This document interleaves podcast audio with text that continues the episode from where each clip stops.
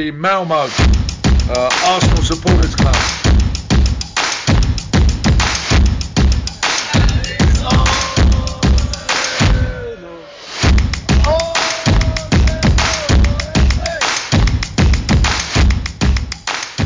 God kväll och varmt välkomna till Arsenal Malmös podcast med mig Rickard Henriksson. Och idag fredagen den 16 april när pubbarna är stängda så här mitt i pandemin så passar vi på att spela in en podcast via Skype.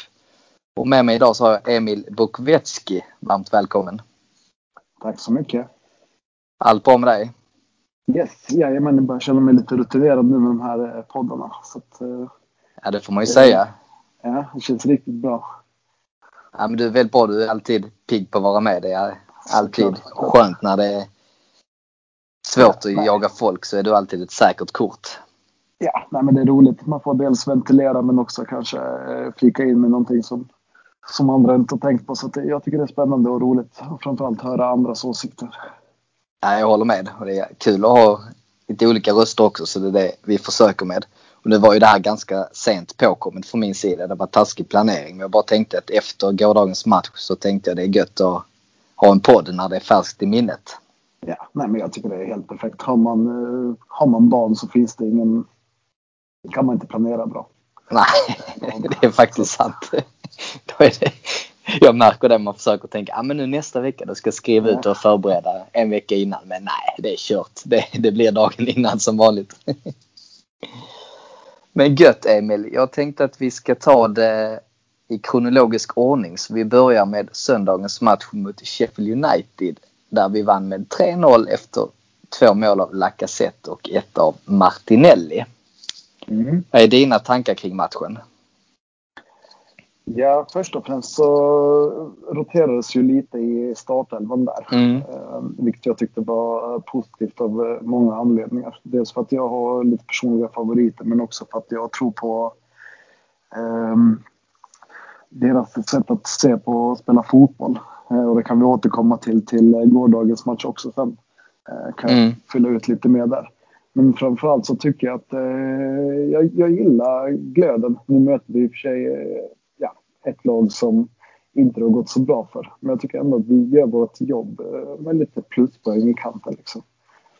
Ja, jag håller med. Och sen så tycker jag Mm. Sheffield United har ju haft lite oflyt i poängutdelningen för de har spelat mycket bättre och inte är så pass... Alltså jag tycker de är, de är bättre än sin tabellposition. Jag tycker de är ett Ja. bättre lag än West Bromwich i alla fall. Att, Ja, jag, men, jag, jag vet inte om det var samma sändning jag tittade på som de sa att de hade förlorat typ 10 plus matcher med uddamålet. Mm. Så att, ja, det var väldigt något sånt. Så att jag, jag kan definitivt hålla med. Eh, Det Och det finns- inte enkla matcher längre i Premier League. Nej, och även i den tabellen med eh, mest eller flest VAR-beslut emot sig så tror jag de Ja. toppade den. Nej, men absolut. Nej, men jag, så att jag, jag är väldigt positiv till den matchen och väldigt fina aktioner av många. Framförallt sista passningen av Partey till eh, Lacazette. ju- Riktigt Mm. snyggt. Och sen den vändningen och... Ja. ehm, ja, det är kul att se att han börjar hitta tillbaka lite. Ja, ja, men lite ögongodis, det gillar man. Ja, vi var inne på det jag och Johansson i förra podden att vi varit rätt så besvikna på hans sista månad. Men eh, det han visade i söndags så tyckte jag han var, på rätt väg igen. Ja, men absolut. Han, ja, det, det är många som bara ska hålla sig till eh, det de är köpta till för. Så, så tror jag det går lite bättre. Mm, och nu var det lite tuffare här med en hel del skador och bortfall och så. Så att det var ju inte så mycket alternativ Arteta hade att laborera med. Men det var ju ändå en spännande startelva. Jag tänker framförallt på Martinelli. Vad tycker du om honom? Jag, jag gillar ju han eh, skarpt, men det är ju framförallt hur... Eh, alltså hans inställning till att vilja spela fotboll på den här nivån eh, är fantastiskt kul att se. Eh, sen kan man ju se ofta att han, han är ju fortfarande väldigt ung och tar säkert många onödiga meter. Och, ja. Så det, det finns ju mycket att slipa på. Men, jag- men jag gillar framförallt hur, eh, hur, hur de nyttjar när vi har eh, Martinelli, Saka och ja, unga spelare så att säga. De, de, de driver ju bollen framåt. Eh, eh, återigen så kommer jag återkomma det till gårdagens match. Men jag gillar framförallt ja. det här med att man, man, man, inte liksom spelar runt det här handbollsspelet så att säga, runt, runt, runt. Eh, som, som vi inte bara gör när vi har Eh, när vi har en motståndare som har lågt eh, försvar, försvarsspel med hela laget utan vi, gör har en tendens att göra det mot i princip alla lag. Att vi fastnar på sista tredjedelen och spelar runt för att hitta ytor. Men nu blir det liksom nästan från halva plan så eh, ser det lite kontringsaktigt ut. Så man, man vill driva bollen framåt. Mm. Vi kom ju igenom mycket på kanterna också tyckte jag. Eh, nu spelar ju de eh, spelar ju en 3-5-2 uppställning så det gör att de blir lite mer centrerade mm. eh, i mitten där. Men jag tyckte att vi hittade mycket kombinationer och det som jag framförallt gillar med Martinelli det är ju hans, eh, hans inställning och hans löpvilja. Han löper ju kopiöst tills hans, han stupar och hans, den inställningen och ja, egentligen vilja att gå framåt och sätta press. Det tycker jag vi har saknat. Eh, jag jämför till exempel med eh, om man jämför Martinelli med William. Det är ett mm. klockrent exempel på att där har vi en eh, som är mycket mer statisk och egentligen väntar på att få bollen på fötterna. Och sen börjar han då agera men han startar ju alltid från stillastående. Och sen ska ja. han då börja accelerera upp fart med bollen medan Martinelli är i rörelse när han får emot bollen. Ja, och det blir inte den här överraskningseffekten som Martinelli har. Nej. Eh, men som sagt, det finns mycket att slipa på. Eh, man ser ju tendenser till att han, när han håller på att springa ihjäl sig så hamnar man i situationer som ibland är 50-50. Där en rutinerad spelare kanske inte skulle gå in i situationerna. Men det är också så att Martinelli har blivit skadad tidigare. Mm. Ehm, och även matchen igår fick han också en skada. Men det är ju för att han, som du säger, går in 100% i varje grej. Ehm, och då tror jag han kommer lära sig med åren att man, man, man kan inte alltid vara överallt. Ehm. Nej, och även det här eh, hans eh, beslutsfattande, framförallt sista tredjedelen. Då märker man att där har han en del att utvecklas. Men eh, ja, herregud. Ja. Grabben är 19 år så att Precis. det är en jättetalang. De försöker återskapa någon form av... Jag har sett mycket de har spelat in på Instagram och sånt där, från deras träningar. Där de liksom tar emot bollen, ska göra någonting litet och gå på avslut så fort som möjligt. Mm. Jag, jag, tror han försöker, håller på att försöka utveckla lite så striker-rörelse. Eh, och då såg man lite att han skulle kanske ha spelat, men att han liksom börjar få in det i huvudet att han bara ska ta emot bollen, hitta ett läge och skjuta mot mål. Liksom. Men jag tror ju på sikt att han är mer, eh, alltså hans spelartyp passar bättre som striker jämfört med kanten för han har inte det här, visst han har ju snabbheten och sådär men han har inte riktigt den här om man jämför med PP eller eh, Smith Rowe, deras finurlighet eller så, eller Saka för den delen. Han har ju inte det utan han har ju mer en snabbhet och han har ju ett bra avslut som han har visat på tidigare så jag tror mycket Precis. väl som du är inne på att eh, med den träningen att det är där vi har hans framtid och kanske då på Absolut. sikt som en eh, er, vad heter det, tronföljare till Aubameyang. Nej, han är ja, en personlig favorit i alla fall. Eh, så att, eh, med försiktighet så, så, så, tror jag på honom i framtiden. Jag håller med och eh, även eh, jämfört med förra veckan då så har ju Mari fått gå in och spela. Pa Pablo Mari. Jämför då ganska ja. skakig inledning eller insatser senast av Gabriel. Så det tyckte jag personligen var väldigt bra agerat av Arteta. Vad, är det, vad tycker du? Ja, alltså jag, jag för mig vi snackade om det i förra podden också, att han mm. laborerar väldigt mycket i mittlåset där. Exakt. Eh, och nu har vi lite skador och sånt där, men jag, jag tycker ändå att eh, Gabriel eh, är mitt första val. Mm. Eh, jag tror han ska spelas in lite som vi hade med Korsell för några år sedan. Han gjorde ju sina misstag, han var ändå en klippa liksom 9 av 10 matcher. Så, så jag är ju mer jag tror att Gabriel ska spela och sen om man nu väljer Mari eller Holding för att få det här lilla övertaget på längd eller något annat så eh, ja, men jag tror man behöver en eh, Gabriel bredvid sig. Jag är mer inne på att hitta det mest optimala mittbacksparet som kompletterar varandra och jag är ju mer och mer inne på att Louise och Gabriel funkar bra och de gör varandra bättre. Och på samma sätt med Mari och Holding. Mm. Eh, det Ja, och jag tycker ju mer man ser det också, för man såg ju att Holding blev ju bättre när han spelade med Mari jämfört med eh, eh, Gabriel. Och vi har även sett att Mari och Louise inte fungerar. Mm. och så jag tror ju att det skulle kunna vara ett sätt. Nu om Louise är borta ett tag, ja tråkigt Gabriel, då får du sitta på bänken för att du funkar inte med Holding. Nej, precis, precis. Så det Nej, skulle det kunna vara ett sätt att man har, eh, att blir en spelare skadad då byter man hela mittbacksparet. Det skulle vara ett sätt. Det är lite mer hockey eh, taktik där, att man spelar i backpar. Ja, men precis. Nej men, nej, men definitivt. Det är ju, och sen får det ju, som sagt, de två matcherna vi har spelat är ju inte mot eh, något herrejösses motstånd. Men det är fortfarande, det är fortfarande, man måste göra jobbet och som du säger så har de ju skött det bra. Ja men det ska man ändå ha med sig. Jag tycker Sheffield United absolut. Men jag menar de har en väldigt tydlig spelidé och de Ja. kommer ju till sina avslut. Så att man måste ju samtidigt vara, har du inte ett fungerande mittbackspar mot den typen av lag.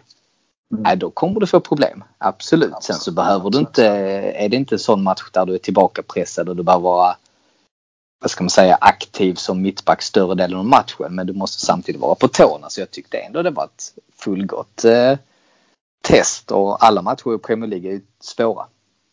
Ja, men så är det ju. Sen tror jag man glömmer lite. ehm, Ja, nu har det gått två matcher väldigt, eller alla matcher är ju väldigt täta liksom. Mm. Hade, hade det varit en vanlig säsong så hade man ju börjat undra varför, han har, varför Gabriel har varit borta i två veckor. Men nu handlar det ju knappt om liksom, loppet om Nej. sex, sju dagar. Nej precis, det blir ju en vecka han har varit borta då bara. Missat två Precis, matcher. Mm. så att min första tanke när jag tänkte att nu är han bänkad igen var egentligen, är det bra för en spelare att vara borta så länge? Fast det är ju inte länge egentligen. Utan det kanske är som du säger att ja, men då byter man ut ett helt mittbackslås och han kanske har någon känning som behöver en vecka för att vila liksom. Eh, jag vet ju inte. Normalt. Ja precis och jag vet ju inte att om det är så Arteta tänker men eh, det var mer med att jag tänkte att det var en intressant analys och det kanske skulle förklara en del och tittar man. Det jag menar var att olika mittbackar i olika konstellationer har funkat bättre än andra och det är väl kanske mer om att Teta säkert har sett det också. Ja, är, är det så så det är ju någonting nytt och spännande. Jag Mm. kan inte komma på något annat lag som, som i sådana fall har gjort så. Nej, inte jag heller. Eh, Men som sagt, jag tycker det är oerhört viktigt att ha ett samspelt mittbackspar och inte bara samspelt utan att de ska funka med varandra. Ja men absolut. Det är ju, då tar jag hellre två lite sämre mittbackar men som blir bättre av varandra jämfört med att man har två då på pappret världsklass mittbackar som inte kan spela tillsammans. Nej men så är det då. Det gäller ju hela backlinjen. Som du säger har man två mittbackar som ser ut som Mario och Holding. Då får man ju, får ju hela laget anpassa lite saker efter det. Man kanske inte tvingar dem att stötbryta utan kanske en ytterback eller mittfältare får komma ner och inåt och hjälpa där liksom. Ja och det är ju någonting just på tal om att stötbryta som Holding måste jobba på. Han gör det alldeles för ofta. Ja. Och, Och speciellt då när- inte.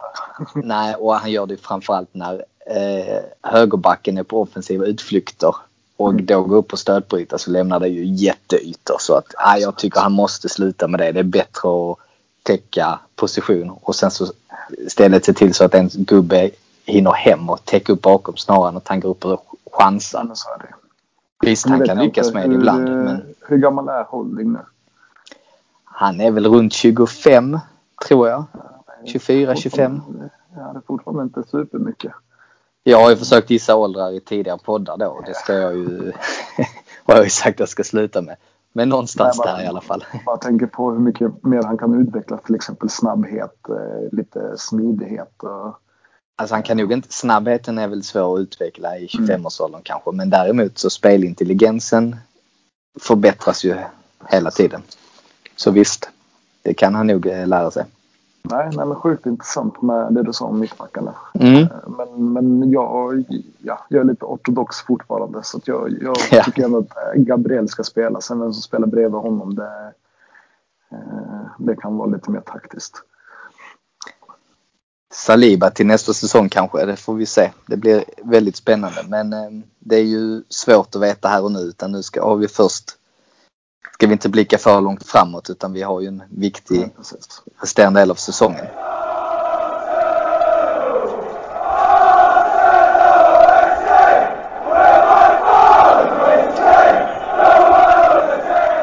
Bli medlem i Arsenal Malmö.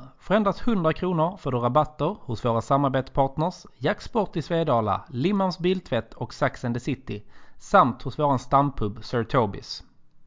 Vi har matchträffar varje match, ordnar några medlemsexklusiva fester under året samt medlemsresor till London. Så gå in på www.arsenalmalmo.se och läs mer om hur du gör för att bli medlem i Malmös enda aktiva Arsenalförening. Se också till att följa oss på Facebook där vi heter Arsenal Malmö, Instagram där vi heter arsenal.malmo och Twitter där vi heter Arsenal Malmö. Välkomna till Arsenal Malmö!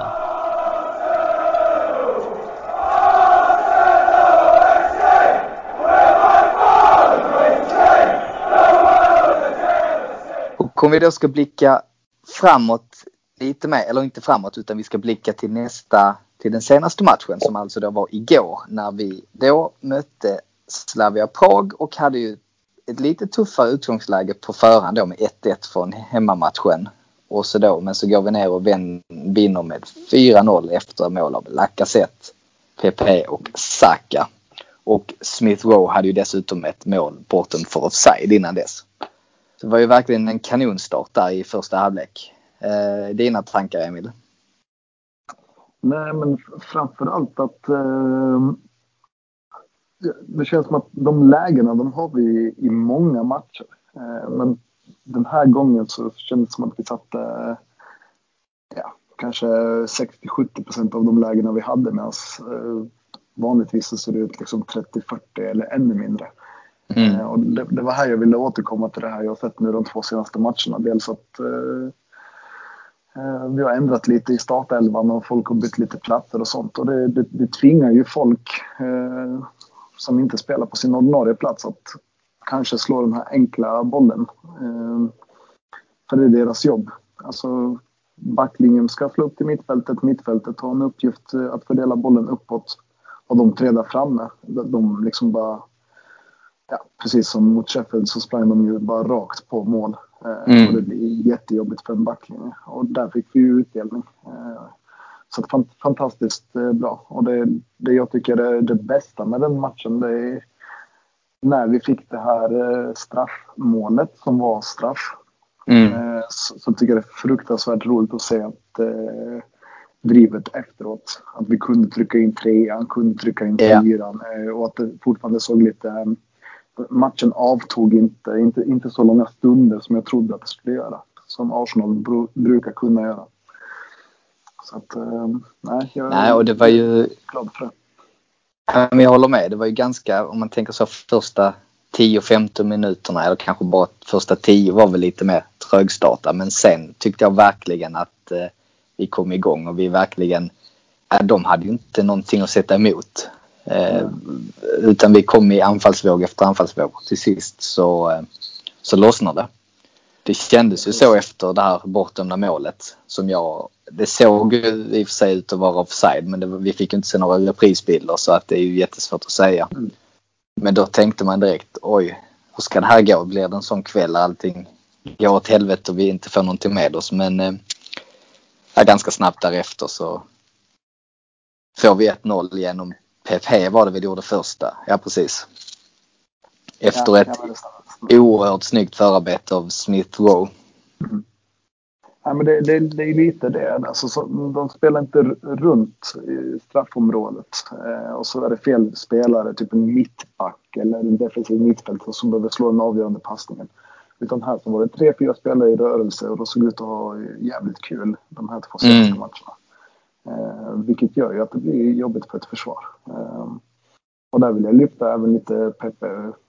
Har ju, kollar man på statistik så är han ju skitgrym tydligen. Mm, absolut. Eh, kollar man på hans spelstil när jag tittar så, så, så tycker jag att han är rolig att titta på. Men jag tror inte han har vågat släppa loss för att de andra har ju varit så eh, stationära så att säga. Eh, men nu har han liksom Smith Rowe, Ödegaard, han har Martinelli, Eh, kanske en Lacazette som kan få fast bollen där uppe. Och då blir det genast lite roligare. Eh, och då tror jag att han kommer, eh, jag tror det kommer lossna ännu mer för honom om man får både speltid men också rätt spelare att spela med. Jo, men tro, absolut. Det, det håller jag med om att med spelarna där kring sig är annorlunda och passar bättre jämfört med i höstas då, även förra säsongen. Men tror du inte samtidigt om man tittar som du säger på statistiken. Han har ju, det är ju helt okej okay statistik. Det är till och med ganska bra. Men tror du inte ja. att det är så att om, om han hade kostat 20 miljoner pund istället för 72 miljoner att vi hade sagt att det var en kanonvärvning?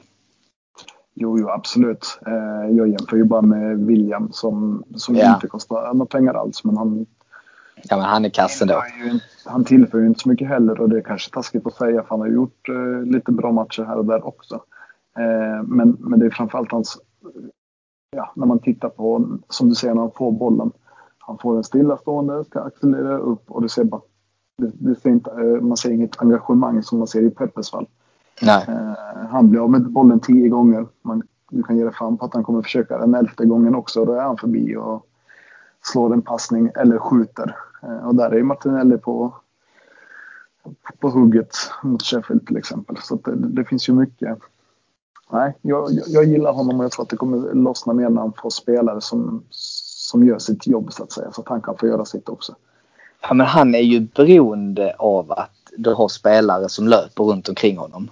Precis. Då är han väldigt bra och det får du ju och det var ju egentligen det jag ville lyfta. Att du har två spelare igår som jag tycker är outstanding och som sticker ut återigen. Och det är våra youngsters Smith Rowe och Saka. Jag tycker de är ja, helt fantastiska matcher båda två. Absolut, det, det, det håller jag fullständigt med om. Jag, jag gillar deras rörelse, deras tänk. Eh, det här lite fram, alltså Martinelli framåt. Eh, de vågar. Mm. Eh, och jag tror att det hjälper dem att PP gör samma sak och att Lacazette faktiskt kan suga in en boll lite Giroud-style fast han är liksom tre huvuden kortare. Mm. Och, kan, och kan fördela. Alltså, ja, Ja, jag, jag, det tror, blir jag, ju de, jag tror de trivs eh, tillsammans eh, lite bättre jämfört med Aubameyang och William som, som, som, som känns att de måste prestera och då är de så jävla safea där uppe. Alltså, ja, ja, precis. Jag tycker Aubameyang, ja absolut. Sen så han har ju en annan spelartyp än Lacazette. För Lacazette är väldigt bra på att hålla i bollen och det funkar. Sen samtidigt om du har Aubameyang med Ödegård till exempel. Då har du också en väldigt bra kombination för att, men jag vill ju ha Aubameyang som striker inne i boxen för jag menar hans, han är ju mycket giftigare jämfört med Lacazette. Men så kanske Lacazette har sig till fler lägen med sin spelstil och det här att han kan hålla fast bollen och ta sig runt, snirkla mer. Men jag menar tittar du på hit rate så är ju Aubameyang betydligt bättre tycker jag. Ja, jag, jag, jag håller med dig. Men han, han får inte det som Lacazette har fått nu de här två matcherna. Han har, folk anpassar inte spelet efter honom. Nej. Ehm, jag vet när vi hade det riktigt tufft för några månader sedan så tittade man på Aubameyang och Lacazette när de spelade till och med tillsammans. De hade, mm. Vi hade liksom inte ett skott på mål på en hel match. Ehm, och vi hade en anfallstrio liksom som kostade ja, över en och en halv miljard. Liksom. Ja, det var ju nu mot eh, Liverpool spelade ju Lacazette, Aubameyang och Pepe.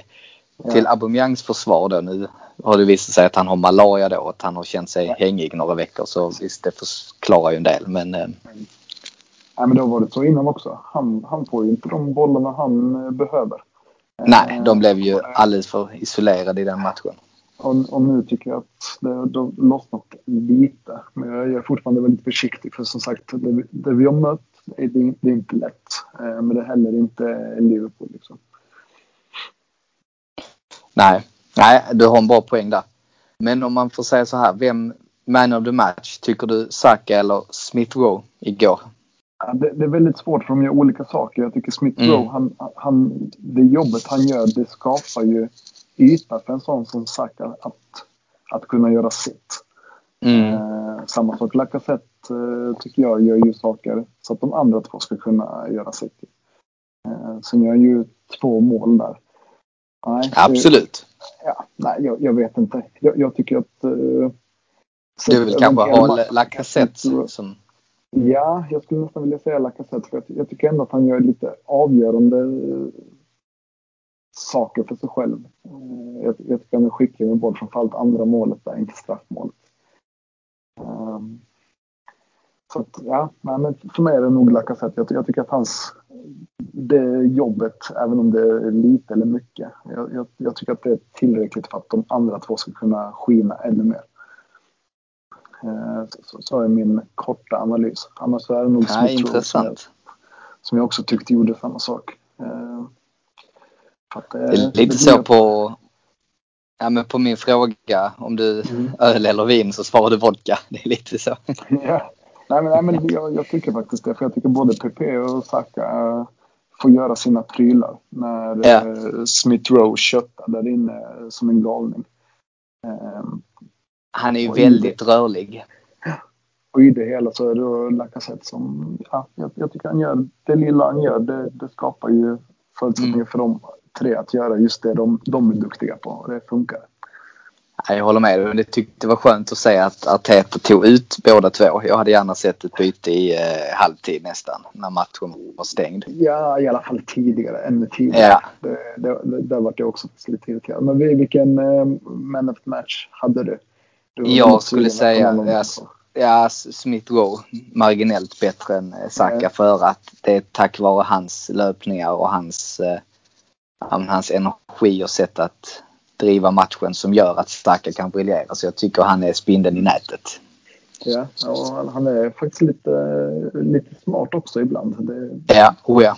Det, det är ju sådana tendenser man, man ser att uh, han är jävligt duktig där. Och det är det som blir svårt sen när Ödegaard kommer tillbaka. Uh, ja, verkligen. Ehm. Sen gör ju Saka de här de avgörande insatserna men om man ser sett till hela matchen i speluppbyggnad och vårt sätt att föra matchen på så tycker jag det är Smith Rowe som är nyckeln. Mm. Ja men absolut. Men, jag, jag tror ja. och hoppas att uh, Arteta är inte alltför försiktig. Men jag, jag, hoppas att han, att han spelar in Smith Rowe uh, ja, lite försiktigt. Att vi mm. utnyttjar Ödegaard nu på slutet för jag tycker att han har fantastisk speluppfattning han också. Ja, äh, verkligen, det är ett lyxproblem. Han jobbar också. Eh, så att Saka är den enda juniorspelaren just nu som har slagit sig in i startelvan. De andra kan vara lite försiktiga med, precis som han Phil Foden i, i City till exempel. Ja men precis, det är ju ett klockrent exempel på hur Guardiola har jobbat med Foden under ja två, tre års tid långsamt skola in honom och successivt i ökat ansvar. Det är så jag tycker att man ska göra med Smith Rowe. Nu har vi möjligheten nu tack vare Ödegård. Annars så hade det blivit att han hade varit tvingad att spela varje match i princip. Ja, eller Elneny. ja. eller eller någonting. Nej, nej, men så är det ju. Och Saka tog ett kliv eh, redan förra året och han har inte spelat alla matcher i år liksom. Eh, så att jag tror ja, men han har spelat väldigt han spelat väldigt mycket så det har jag mm. också tänkt på att han har legat nära den röda zonen och också nu, nu har han ju fått vila lite om han har fått lite känningar så att det, ja, det gäller att vara försiktig. Och även där så har vi haft alternativ i form av PP som har kunnat, så han hade kunnat vila, sacka lite mer. Sen å andra sidan, han har ju press på sig när vi gick så fruktansvärt dåligt under hösten så mm. förstår jag honom för att han har ju press på sig och börjar vinna matcher då måste man spela bästa laget. Så att jag förstår honom. Men jag tycker att vi med, med ungdomar så måste man eh, hantera dem varsamt. Ja, ja, men så är det ju. Eh, och jag, jag tycker det var lite som du säger, säger att Aubameyang och eh, Lacazette hade bytt av varandra som strikers liksom. Mm. Eh, Saka och Pepe hade bytt av varandra på högerkanten till exempel. Um, och så Ödegaard med Smith Rowe efter yeah. jul då, så har ju han fått uh, kanonväxel då. Och sen där på vänsterkanten så, så blir det ju tyvärr så att uh, är det inte Aubameyang så är det William som spelat där. Ja, eller men då hade man kunnat uh, varva med Martinelli och du, han spelar ju ibland med Smith Rowe på Precis. kanten där och Ödegård mitten så att han har lite olika konstellationer. Och det är där jag tycker att du ska laborera så är det i fronttrion. Längre bak i planen behöver du mer kontinuitet. Ja, ja, precis. Och där tycker jag att Martinelli kanske borde ha fått någon mer chans. eh, Jag håller med. Att, komma in i alla fall, inte sista 10, men kanske sista 25 och få Mm. visa William att okej, det är så här man springer. Det är så här man krigar för sin plats. Eh, och inte liksom att William har alltid gått före honom eller till och med hoppat in i starten. Nej, verkligen. Jag håller med. Nej, men det var eh, Men om vi ska titta... riktigt härlig seger. Ja, verkligen. Fantastiskt härliga tre poäng, eller seger så att säga. Så att sen har vi ju i nästa omgång då i semifinalen så möter vi Villarreal. Och Ja. ställs då mot vår gamla huvudtränare Unai Emery. Det blir spännande. Det blir riktigt, riktigt spännande. Jag Eh, måste säga, tyck- Ja. Nej jag har inte jättebra koll faktiskt. Så jag tänkte, har du mer eh, info om Re- Villarreal så får du gärna uppdatera mig. Nej, alltså jag, jag, jag följt dem lite i början för de gick så jä... De gick ju riktigt bra i början i spanska ligan. Mm. Eh, och sen tog det av lite grann. Jag vet inte om det är hårt matchande eller om de liksom inte är på den nivån så att säga. Att de är lite uppstickare. Eh, så att, så att jag är nog mer övertygad om att vi kan slå dem nu än vad jag var för Villarreal innan jul.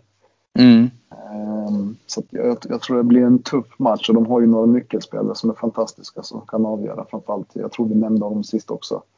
Eh, Han Moreno eller vad han heter. Han gjorde ju mål nu också i deras match. Eh, Ja, jag har Annars inte... är det nog inte så mycket utan jag tror att koll. det är Arsenal själva som kan straffa, straffa alltså som är sin största fiende återigen.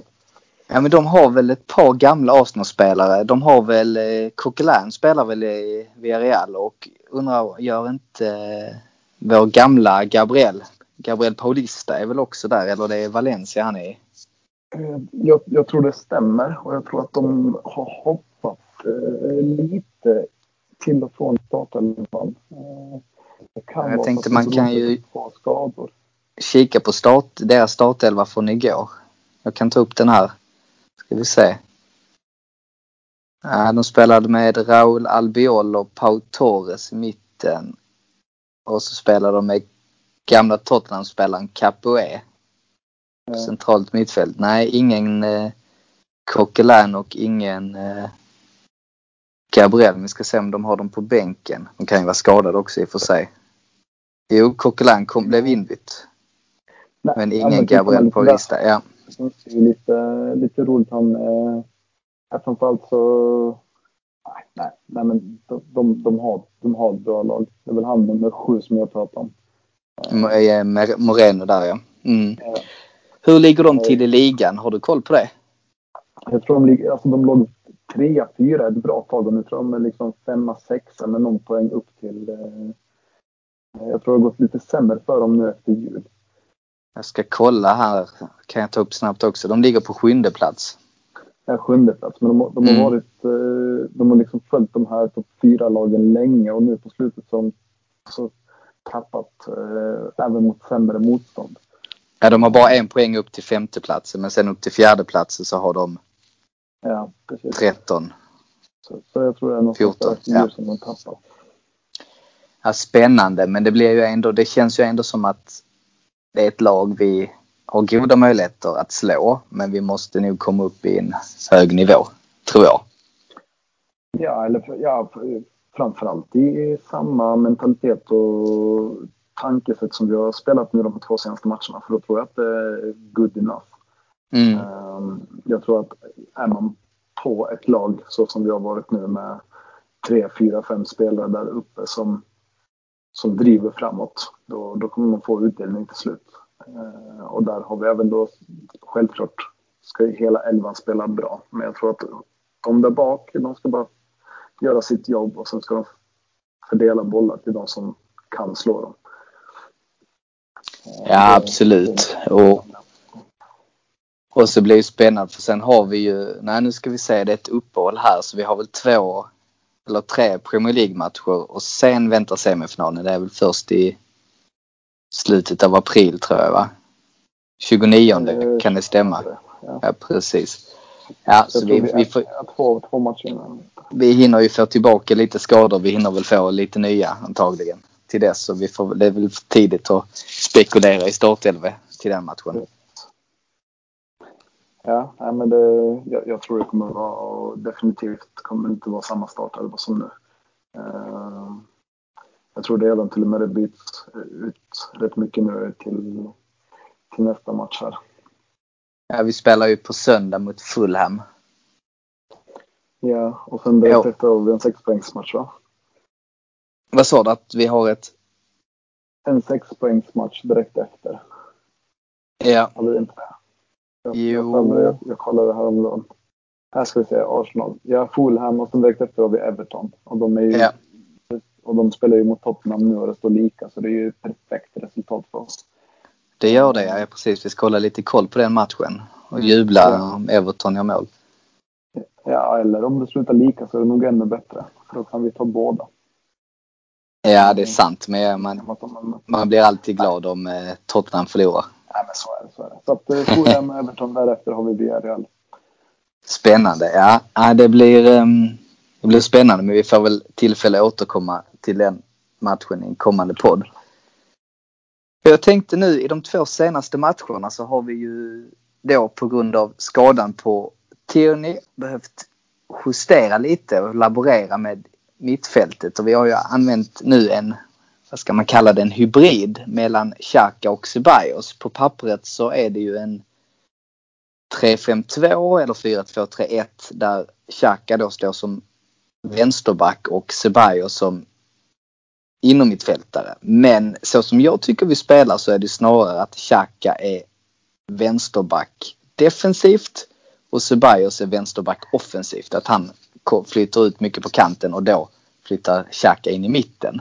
Så det är lite en hybrid eh, kan man säga det. Vad är dina tankar om den lösningen? Ja, alltså framförallt eh, så tycker jag att Xhaka inte... Alltså, säg att han vanligtvis eh, slår bort en, två passningar så, så är de ju väldigt tydliga för han har ju mycket Mm. boll. Eh, nu tror jag att han inte vågar slå bort passningar så det ser ju väldigt mycket säkrare ut. Eh, han tar snabbare, enklare beslut. Eh, och den här hybrid-grejen, ja det, det hoppar ju så, så otroligt mycket. Eh, och Ceballos, han, han driver ju, han vill ju driva på och vara utanför straffområdet när det väl blir offensivt. Så, jag skulle vilja säga att vad jag vill minnas det är att Xhaka inte går upp så mycket mer än till halva motståndarens plan. Men Ceballos Nej, går gärna förbi den linjen. Och det är ju därför det blev med den hybriden att eh, Ceballos är ju vänsterbacken i det offensiva skedet. Överlappar på kanten och, där, och eh, kombinerar med PP. Och jag tycker att för Ceballos är det här jättebra eftersom han har ju sina styrkor högre upp i planen utan där har man ju han har ju sina brister när han får komma för djupt nära backlinjen och ska hämta bollen för det tycker jag inte riktigt han klarar av. Men längre upp i planen så har han ju fin, fin speluppfattning i det offensiva. Så för hans del är det här en jättebra lösning.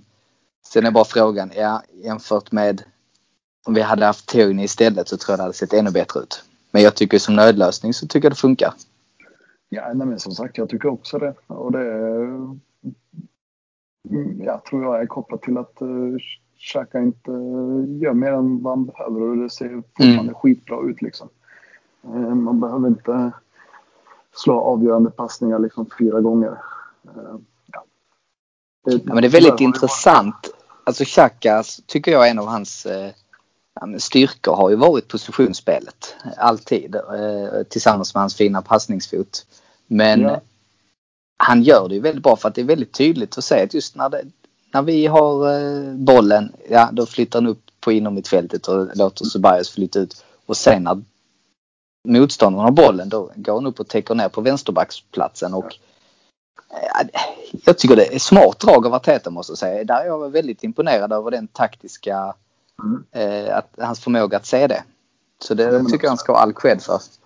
Ja, men verkligen. Och det, det, det är ju det som är lite synd. För att tittar vi på till exempel David Luiz och, och Xhaka, om vi tar de två som exempel, Mm. så, så, så kommer jag ju fortfarande tycka att de inte har alltså Arsenal, Arsenal-klass.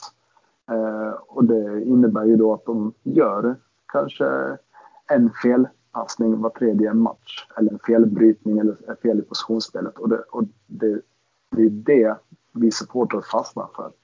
Eh, för att den blir så tydlig. Så jag tycker ju fortfarande att de håller, håller hög klass. Eh, men just, just nu så tycker jag att eh, både Xhaka och nu är Louise skadade. Att liksom de, de gör ju sitt shit när de är lite under press. Mm. Liksom, och bara Absolut. Enkelt. Eh, för ibland kan Xhaka ha varit så att han gärna vill slå tre, fyra, fem bollar och går bara två fram. Ja, då, då har han plötsligt fått dåliga betyg på den matchen. Liksom. Sen har han ju lyft sig. Jag tyckte det var mer så förra säsongen. Jag tycker han har lyft sig väldigt mycket denna säsongen. Att han, han är mycket säkrare och gör färre misstag. Sen så händer de. Men de har varit betydligt färre. Eh, framförallt i eh, januari, februari och sen så nu när vi kom in i mars så kom han tillbaka lite i gamla synder. Men eh, nu så ser det bättre ut igen tycker jag. Ja, nej, men jag tror att det är Partey som hjälper honom, det är ja. Tierney som hjälper honom, det är Ödegaard som tar emot bollen och gör någonting med det. Så att det blir enkelt. Återigen så blir det ju, har man rätt spelare som hjälper varandra så blir det lättare för försöka att lyfta hans styrkor. Och som du säger, hans passningsfot, eh, oppositionsspel. Alltså liksom när det funkar så ser han ut som liksom en stjärna ju. Ja men mm. även att du har löpningar på sånt som Martinelli till exempel och Saka som gör att du pressar isär eh, motståndarlaget lite och det gör ju att det blir mer ytor på centralt mittfält. Eh. Ja. Och då helt plötsligt är Xhaka en riktigt viktig kugge i dagens Arsenal. Mm, ja absolut. Det tycker jag han, han är. Och jag tycker man läser hela tiden på, på internet så att säga att han är katastrof, han ska bort och sådär. Och samtidigt, ja men vem skulle vi spela istället? Och jag kan tycka, jag kan absolut köpa att vi ska värva in en mittfältare till och det ska vi göra. Vi ska värva in minst en, helst två. Men jag ser ju inte att Xhaka bör säljas utan han är ju, en, även om han inte är startspelare så skulle jag klassa honom som en väldigt värdefull truppspelare och som är väldigt allround som kan användas på flera positioner. Ja men så är det ju. Jag, med de ynglingarna som är på väg eh, upp eller slå in sig själv eh, så tycker jag definitivt att eh, Partey är nummer ett och får vi in en Ödegård eller Özil typ så är det nummer två och sen Xhaka som trea liksom. Mm, ja, jag håller med. Och sen kommer då Elneny och Ceballos. De, och det är de två jag tycker vi ska förbättra eh, alternativen till. Eh, om vi skulle prata som en sån som Bissouma i Brighton till exempel. Ja, jag är inte säker att han är bättre alternativ än Xhaka. Däremot så hade han varit en bättre truppspelare att ha jämfört än Sebaios eller framförallt Elneny då. Men jag är inte säker på att han hade petat Xhaka utan jag kan mycket väl säga att Xhaka är startspelare även nästa säsong. Däremot så måste vi ha bättre alternativ. Så att man kan det, laborera. Det är liksom svårt att värva för att det det är inte bara att köpa in en spelare som är bättre än El Nino Ceballos och sen låta honom sitta på bänken. Det tror jag blir svårt att värva in. Eh, så att Arsenal har ju någonting att fundera på här. Mm, verkligen. Är det, är det öppna plånboken igen och kanske bli en Pepe-grej? Alltså en mittfältare som behöver ett, två år för att spela in sig i Premier League. Eh, eller så värvar man bara någon lite bättre som kanske får sitta på bänken och det tror jag inte många vill lämna sitt Premier League-lag för att sitta på bänken i ett annat. Liksom. Nej, men jag skulle nog kunna tänka mig att värva från de lagen som Brighton eller sådär. Att de ser möjligheterna att eh, spela ett bättre lag. Och speciellt om vi kan locka med Europaspel. Så där tror jag nog är möjligheter. Utmaningen är väl att de vet att om de säljer till en ligakonkurrent så är det ganska hög prislapp. Precis. Så det är väl det som snarare utmaningen. Men sen beror det lite på kontraktssituation och sådär. Men en sån, den typen av spelare tror jag skulle vara väldigt nyttig för oss. För vi behöver ju få in mer bredd på centralt mittfält. Eh, jag kanske till och med lyfter honom från uh, U-laget. Uh, ja, kanske. Tar, som tar en av de fem platserna så att säga som truppspelare. Absolut, det är många lovande. Eh, nu har vi visat både med eh, Smith Rowe och Saka men det kommer ju då som han Asses som satt på bänken nu eller Assis. Vet inte hur det ska uttalas men sen är det ju även en spelare som är ett år yngre som heter Charlie Patino som sägs vara den äh, nya Wilshire och att han är mer lovande än vad Wilshire var i den åldern. Att han är väldigt, man tror väldigt mycket på honom. Så det ska bli spännande att se. Ska få en, två matcher här fram över mot eh, slutet eller för säsong och så vidare. Och så vidare. Ja, det blir spännande att se helt enkelt vad som händer i sommar. Och med det sagt så tänkte jag att vi skulle runda av Emil. Men innan vi avrundar helt så skulle jag vilja passa på att göra en liten hyllning till eh, en barndomsidol för mig faktiskt. En av, och en av the big one i Arsenal. Nämligen vår kära Sverige-legendar Fredrik Ljungberg som idag fyller 44 år. Jag skulle vilja tacka honom för eh, alla härliga minnen och önska dig stort grattis på födelsedagen. We love you Freddy. Det gör jag också. Stort grattis. Och med det sagt så tackar vi för oss. Jag tackar dig Emil. Tack så mycket. Det var återigen supertrevligt. Det är, det är alltid roligt att ha med dig. Och tack för att ni lyssnade så hörs vi igen nästa vecka.